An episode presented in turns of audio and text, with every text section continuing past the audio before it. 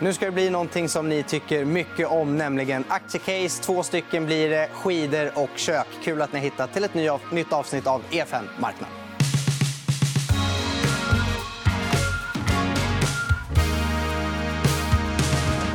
de här två aktierna vi ska prata om är Skistar och eh, Nobia. Och det stora fokuset blir på Skistar. Dagen till ära har jag med mig Adela Dashian, som är analytiker på Handelsbanken. Välkommen. Tack så mycket. Och sen Skistars vd Stefan Sjöstrand på länk. Välkommen. Tack så mycket. Eh, Adela, åker du skidor? Eh, jag åker inte skidor. Jag åkte lite skidor när jag var yngre. Eh, men jag har åkt konståkning, ja. så, så jag har balansen där i alla fall. Men jag kanske inte är den bästa på att åka skidor. Nej, nej men det är, det är inte alla som åker skidor. Stefan, åker du skidor? Absolut. Jag fick mina första skidor när jag var i sjuårsåldern. Ett par Fischerskidor och Q-flash-pjäxor och tråliga bindningar. Och jag har åkt skidor sedan dess och eh, någonting som jag verkligen älskar att göra både individuellt men också tillsammans med min familj. Och det är nog en av de där få semestrarna som eh, eller få aktiviteterna som vi verkligen gör tillsammans, hela familjen. Och någonting som vi väl, verkligen uppskattar också tillsammans. Ja. Är ni såna som sätter klockan tidigt för att vara först upp när det fortfarande är Manchester i backen? Nej, faktiskt tvärtom skulle jag vilja säga. att Vi har alltid varit en familj som har gillat att ta lite chill på morgonen och käka en skön fulle och sen åker vi ut och åker, stannar i backen, äter lunch, åker lite till och brukar dra oss hem ganska lagom vid halv fyra-snåret och sen bara mysa liksom och, och ha det skönt. Så att, eh, vi är ingen sån här hetsfamilj när åker skidor utan snarare då liksom bara umgås och ha det skönt tillsammans. Mm, kul. Om vi ska gå in på de lite allvarligare sakerna, Stefan. Du kom in som ny vd i början av förra året och du kastas rätt in i en pandemi. Jag kan tänka mig att man har hoppats på en roligare start, men nu blev det som det blev. Hur har 2020 varit för dig som ny vd på Skistar?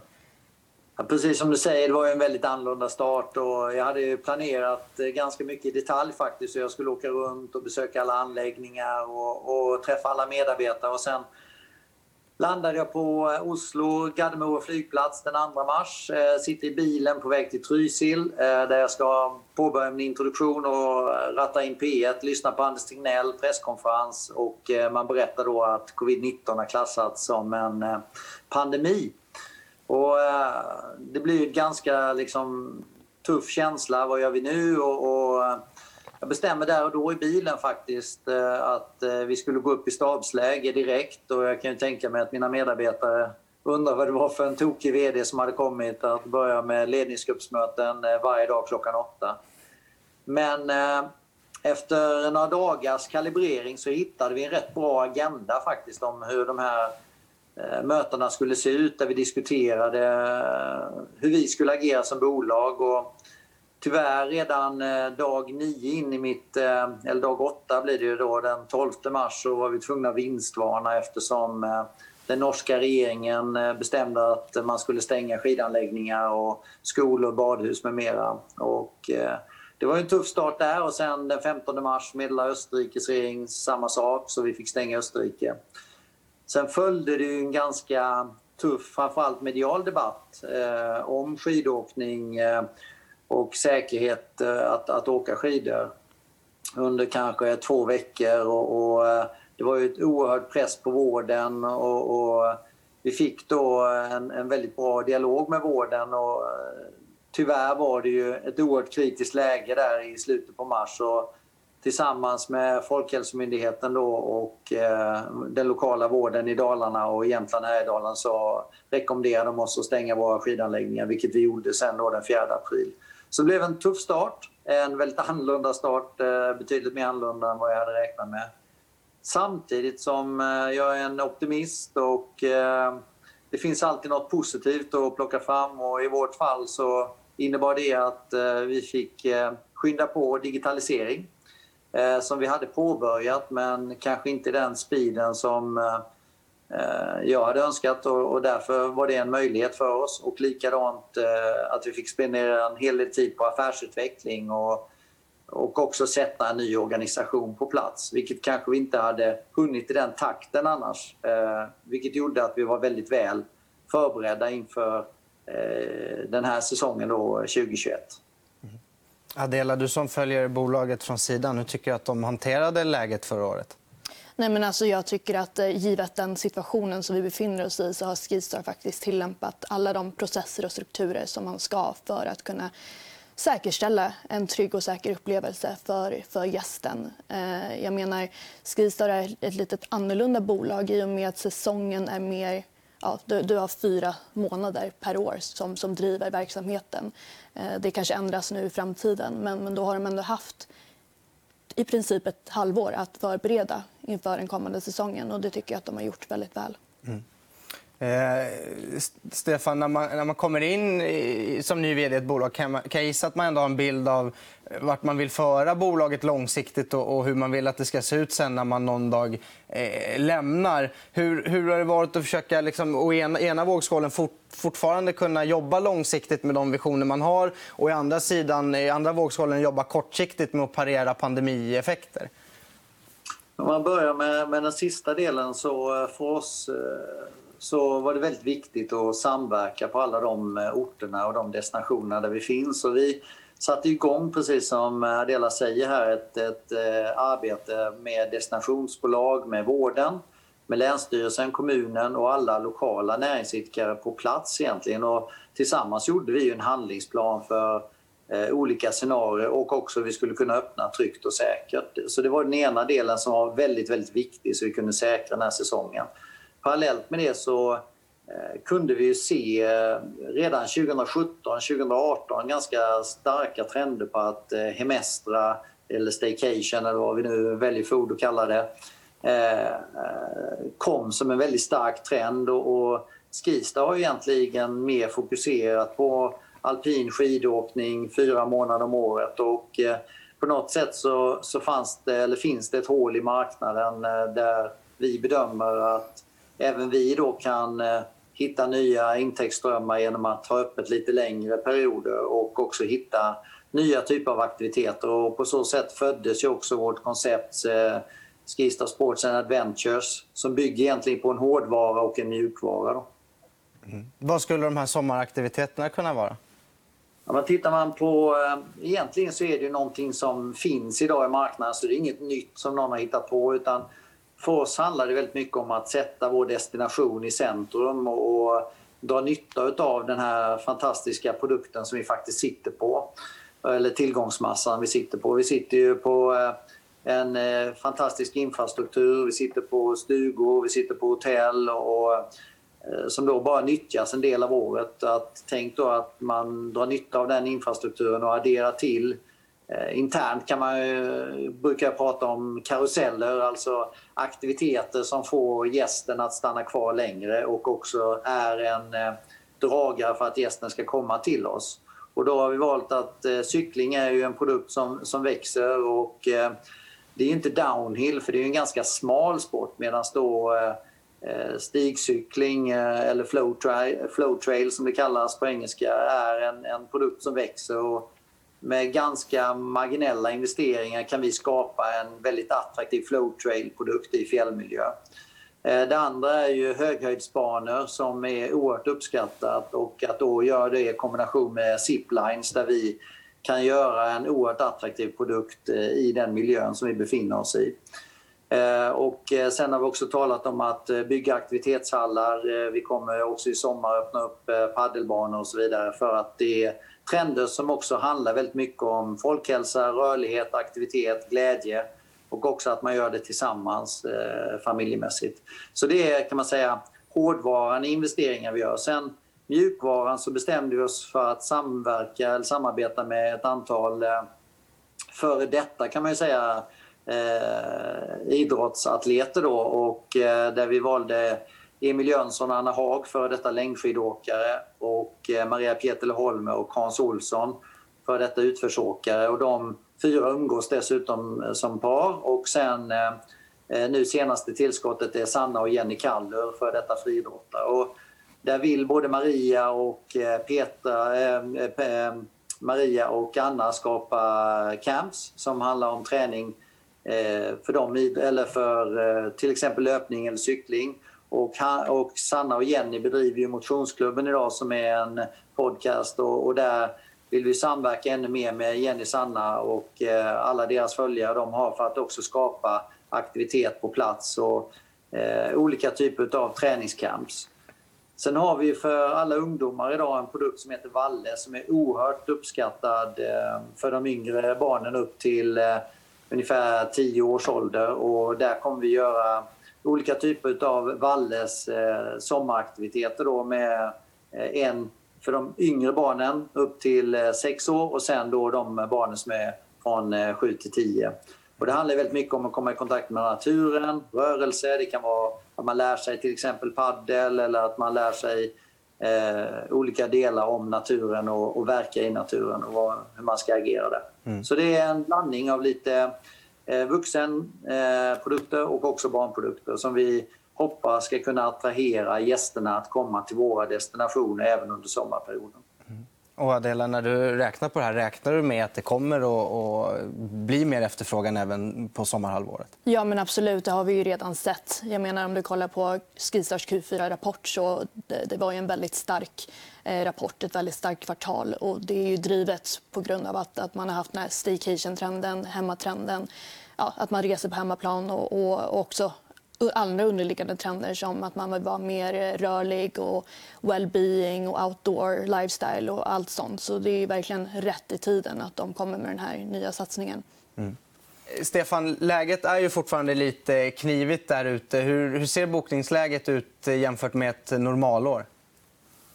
Eh, om man tittar på eh, vår rapport som vi lämnade den 19 december, där pratade vi ganska mycket om den tuffa situationen som vi har i Norge. Och, eh, med tanke på att det är stängda gränser mellan Sverige och Norge och mellan Norge och Danmark så eh, är det ju en tuff situation eftersom 80% av våra gäster traditionellt sett i Norge kommer från eh, Sverige och Danmark. Och det har gjort att det har varit ett utmanande läge där. Och samtidigt har vi försökt att boosta upp eh, och göra mycket marketing lokalt för att få igång inhemsk turism i Norge. Samtidigt som det är tuffa restriktioner runt resande. Senast idag kom ju nya eh, tuffa krav ifrån eh, norska regeringen att man vill minimera resandet i landet och så vidare. Så det är klart att vi har en tuff situation i Norge då. Eh, och eh, I Österrike så är det också på svaga nivåer samtidigt som Österrike är en väldigt liten del av vår verksamhet. Tittar man sen då på eh, den stora maskinen i Sverige så har vi ju en, en riktigt bra Eh, jul nyår bakom oss som eh, vi lyckades hantera på ett väldigt positivt sätt. Vi eh, har fått otroligt stark feedback från våra gäster som har varit på plats, som har upplevt det här trygga och säkra som Adela också refererade till att våra förberedelser har varit eh, riktigt bra. Vi hade ju ett coronautbrott bland personalen, nio stycken som vi isolerade. Tillsammans med vården gjorde vi smittspårning och isolerade 35. Det visade sig att den processen också fungerade. Vi hade eh, några i vår personal som inte kunde låta bli att festa. Eh, vilket innebar att vi har ju introducerat nolltolerans mot festande bland vår eh, personal. Och eh, även där eh, visade vi att våra processer fungerar. Så att vi har lyckats att hantera de här utmaningarna med att öppna tryggt och säkert, med eh, att ha karantänsboende för personal men också att vår personal också ska uppföra sig på ett särskilt sätt eh, för att då kunna säkerställa en trygga och säkra upplevelse mot våra gäster. Och det har gjort också att vi har bokningsläget fortsätter på, tycker vi då, i en takt som känns eh, tillfredsställande faktiskt för den här säsongen. Mm. Eh, det finns en, en hängiven Skistar-aktieägargrupp på Facebook som jag fått lite frågor ifrån. Och en av dem eh, som flest där ville veta det är om du själv äger aktier i Skistar. Ja, alltså när jag eh, blev utnämnd förra året, den, eh, eller 2019 då, den 14 december, så började jag köpa lite aktier så jag investerade en miljon kronor under en 10-15 dagars period. Och sen så köpte jag på mig aktier också lite grann innan sommaren tror jag det var faktiskt. Jag äger 10 500 aktier mm. för tillfället. Och eh, en annan fråga som eh, både jag själv och jag tror även Adela och även den här ägargruppen är nyfiken på det är om ni ser tillfälle att här i pandemin genomföra förvärv? Alltså, det är ju alltid intressant om det uppstår möjligheter och eh, vi är ju, försöker ju vara vakna och lyssna men vi kanske också behöver ta en mer aktiv approach eh, eller en mer aktiv approach än vi har tagit historiskt sett för att eh, gå in och se var är det vi vill vara någonstans och eh, på vilket sätt. Så att Just nu har vi ingenting som jag kan prata om eller berätta om men det är möjligt att det blir någonting sånt i framtiden. Låt oss se. Men det, men det, låter i alla fall som att du känner att ni har de ekonomiska musklerna att genomföra om det dyker upp någonting som är intressant? Det beror ju helt och hållet på vad det är för någonting som dyker upp. Och eh, det kan ju vara något smått och det kan ju vara något stort. Så att, eh, låt oss se den dagen när, när och om det tillfället uppstår. Mm. Adela, har du någon eh, fråga du vill skjuta in? Jag undrar mer om just förvärvsstrategin. Eh, tror ni att ni kan genomföra någonting här i Norden eller tror ni att Konkurrensverket då skulle vara inne och, och, och peta där eh, givet den stora marknadsandelen som ni har, Sverige och Norge? Alltså, vi har ju en, en stor marknadsandel när det gäller alpin eh, skidåkning. Eh, men samtidigt så tycker jag att eh, det viktiga är ju att hur man definierar vår marknad. Var, inom vilken turism är vi med? Och eh, jag anser att vi konkurrerar om eh, share wallet för eh, konsumenten och för oss handlar det om att, att påvisa det för Konkurrensverket vid eventuella förvärv om det skulle uppstå sådana diskussioner. Samtidigt så har vi ju en marknad där man då slåss med Alperna och tittar man på vår marknadsandel där så är vi ju ytterst små. Så jag tror det är viktigt att definiera i vilken marknad man befinner sig i och eh, likadant i vilken bransch befinner man sig. Att man, turism är ju någonting större än bara skidturism. Så den här sommarsatsningen är ju också intressant ur, ett sånt, eh, ur en sån synvinkel, tycker i alla fall jag. Mm. Eh, samma aktieägargrupp eh, har också en fråga om parkeringsavgifter. De verkar inte tycka om dem som kunder, men som aktieägare är de däremot mer nyfikna på vad det kan inbringa. ja. Ja, alltså, jag tyckte det var... När vi satte igång det här affärsutvecklingsprojektet under eh, våren, sommar så var det ju några liksom, low hanging fruit som vi valde att implementera och testa. Och en var ju Skistar Sports and Adventures. En annan var ju att vi sitter på oerhört mycket mark. Vi sitter på 5 miljoner kvadratmeter mark eh, i Skistar som är då icke exploaterad. Och, eh, delar av den marken eh, sa vi, som vi vet att vi ska exploatera i framtiden. Låt oss se om vi kan göra någonting med den. Och då valde vi att eh, investera i ställplatser för husbilar. Så vi gjorde ett 30-tal eh, ställplatser för husbilar för att se om det fungerar. Och det har fungerat ypperligt under eh, eh den här eh, första perioden vi haft öppet. Det innebär ju att vi får fler bäddar egentligen och kan sälja fler skipass på våra destinationer. Och sen det andra var att eh, vi ville se om... Eh, eh alltså vi har ju oerhört stökigt och haft oerhört stökigt på våra parkeringsplatser. Gästerna har parkerat lite hur som man vill. Och då sa vi att låt oss eh, introducera parkeringsavgifter på eh, prime locations och eh, 50% av våra parkeringsplatser ska vara avgiftsbelagda. Och de gäster som då köper eh, Skistar All, eh, vårt eh, årskort för flera destinationer, de får då fri parkering. Och då kunde vi se faktiskt att eh, många gäster kom och bytte sitt eh, Skista Skistar Destination till Skistar All för att då fick man till exempel gratis parkering. Och vi ser framför oss att ladda Skistar All med ännu mer benefits i framtiden för att eh, bygga ännu mer lojalitet på det kortet och också få fler gäster att, att välja det kortet framför då ett lokalt kort till exempel. Tack så mycket för att du var med i programmet, Stefan. och Lycka till framöver. Tack så hemskt mycket. Tack.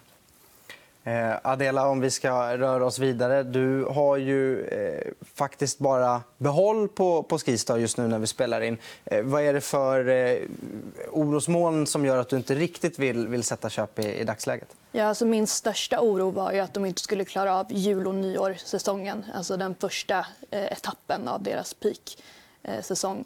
Eh, och det berodde ju helt enkelt på att man inte visste liksom vad som skulle hända, om det skulle bli en större smittospridning, om det skulle belasta vården. Det har ju inte skett nu. Och eh, aktien har ju tickat uppåt ehm, efter att jag drog ner den till behåll från köp. Ehm, men som sagt, det är många veckor kvar av säsongen. Eh, det visar sig hur det går. Väldigt utmanande läge i Norge. Men som Stefan precis sa, Sverige ser väldigt bra ut med en väldigt stark efterfrågan. Och jag tror att långsiktigt har nog den inhemska kundbasen vuxit något markant på grund av pandemin, på grund av att man inte kan resa utomlands och göra annat. Eh, frågan är bara hur stickig den är och eh, om de här gästerna som har fått upp ögonen för skidåkning nu kommer att fortsätta komma tillbaka i framtiden. Och där gäller det att marknadsföra på rätt sätt, paketera på rätt sätt och erbjuda en upplevelse som är liksom, ja, top class för att ha kvar de här gästerna. Mm. Eh, vi går vidare till Nobia då, som är ett bolag som du faktiskt har köpstämpel på. Mm. Vad är det du gillar med det här köksbolaget?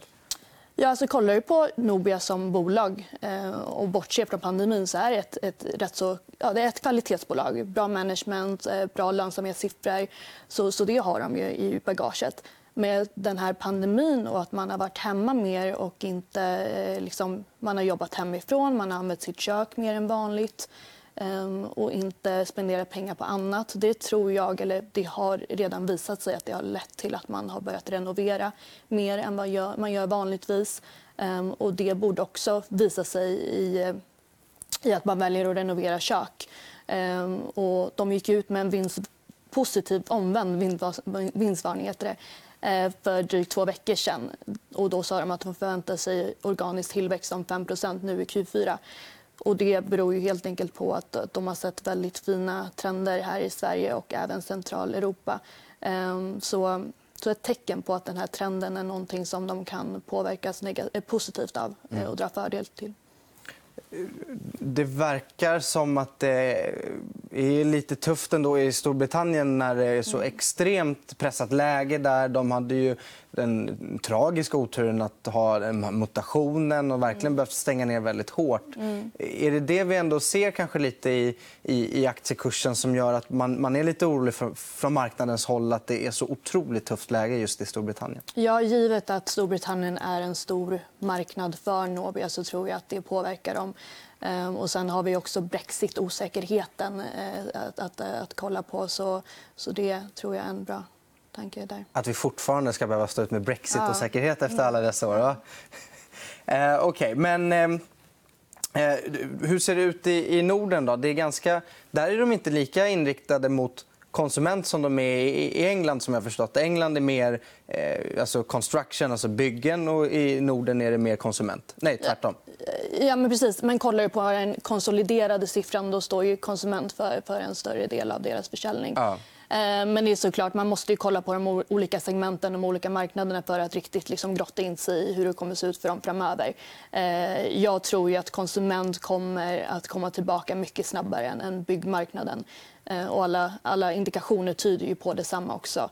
Det har varit lite svårt att komma igång igen. Inte här i Sverige, men, men i England så laggar ju fortfarande eh, byggmarknaden eh, pre-pandemic levels-aktiviteten. Så, så det är nåt som de kommer få få lite problem med.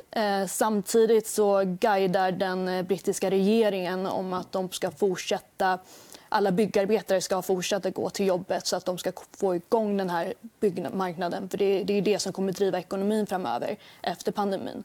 Eh, så det är ju en bra indikation på att saker i alla fall sker i rätt riktning. Mm. Ja, det brukar ofta finnas en vilja från, från eh, statligt håll att stimulera infrastruktur, bygg eh, i, i jobbiga lägen. Så då skulle de kunna bli en stimulansvinnare mm, i såna mm, fall. Mm, men, men, har man den här hemmafixa-trenden vi har sett i, i Sverige eh, har den, gett nå av, har den avspeglat sig någonting i att folk också har renoverat sina kök mer? Ja, men absolut. Alltså det, det är någonting vi har sett. Eh, alltså tänk själv du som konsument. Du har varit hemma, jobbat hemma eh, säkert blivit en hemmakock. Eh, och, eh, då börjar man tänka, men ska jag renovera kök? Och så har vi låga räntor på det, ökade bostadspriser på det eh, och att man har pengar över från att man inte har rest. Så det är ett ganska självklart läge att, man, eh, att det ska visa sig att man renoverar kök också. Mm. Hur påverkas de av eh, valuta? Svenska kronan har ju varit förvånansvärt stark här ett år. Mm. Är det mm. någonting som har ställt till det lite när de har intjäning i pund? Eh, jag skulle däremot säga att en svagare pund påverkar dem rätt så negativt i och med att de har så stor eh, marknad i England. Mm. Eh, och Brexit ställer ju till det där också. Det gör det lite, försvårar situationen ännu mer. Så valuta mot vinden då får man ändå säga Det för måste... bolaget? Ja, precis. Mm. Eh, okay. men, men, men overall så tycker du att eh, hem, hemmafixa trenden och att det ändå finns en politisk vilja att hålla igång byggen talar för det här caset mer än vad orosmolnen är, är jobbiga? Så att säga. Ja, precis. Och sen värderingsmässigt är den ju billig. Den har ju laggat våra peers i alla fall i, i den nordiska konsumentmarknaden. Så, så det, det är ett bolag som jag tycker borde ha kvar sin köpstämpel eh, i alla fall 2021. Sen får vi se därefter. Mm. Och du är inte orolig för balansräkning, skuldsättning? Nej, de har lyckats trycka ner den rätt så rejält eh, de senaste åren. Så det är positivt i det här. Det är den situationen vi befinner oss just nu. Mm. Tack så mycket, Adela, för att du kom hit. Tack själv. Och det var det vi hade att bjuda på i dagens EFN Marknad. Vi är tillbaka nästa vecka igen. Då har vi med oss Ola Rolén, vd på Hexagon. Ha det så bra. Hej då!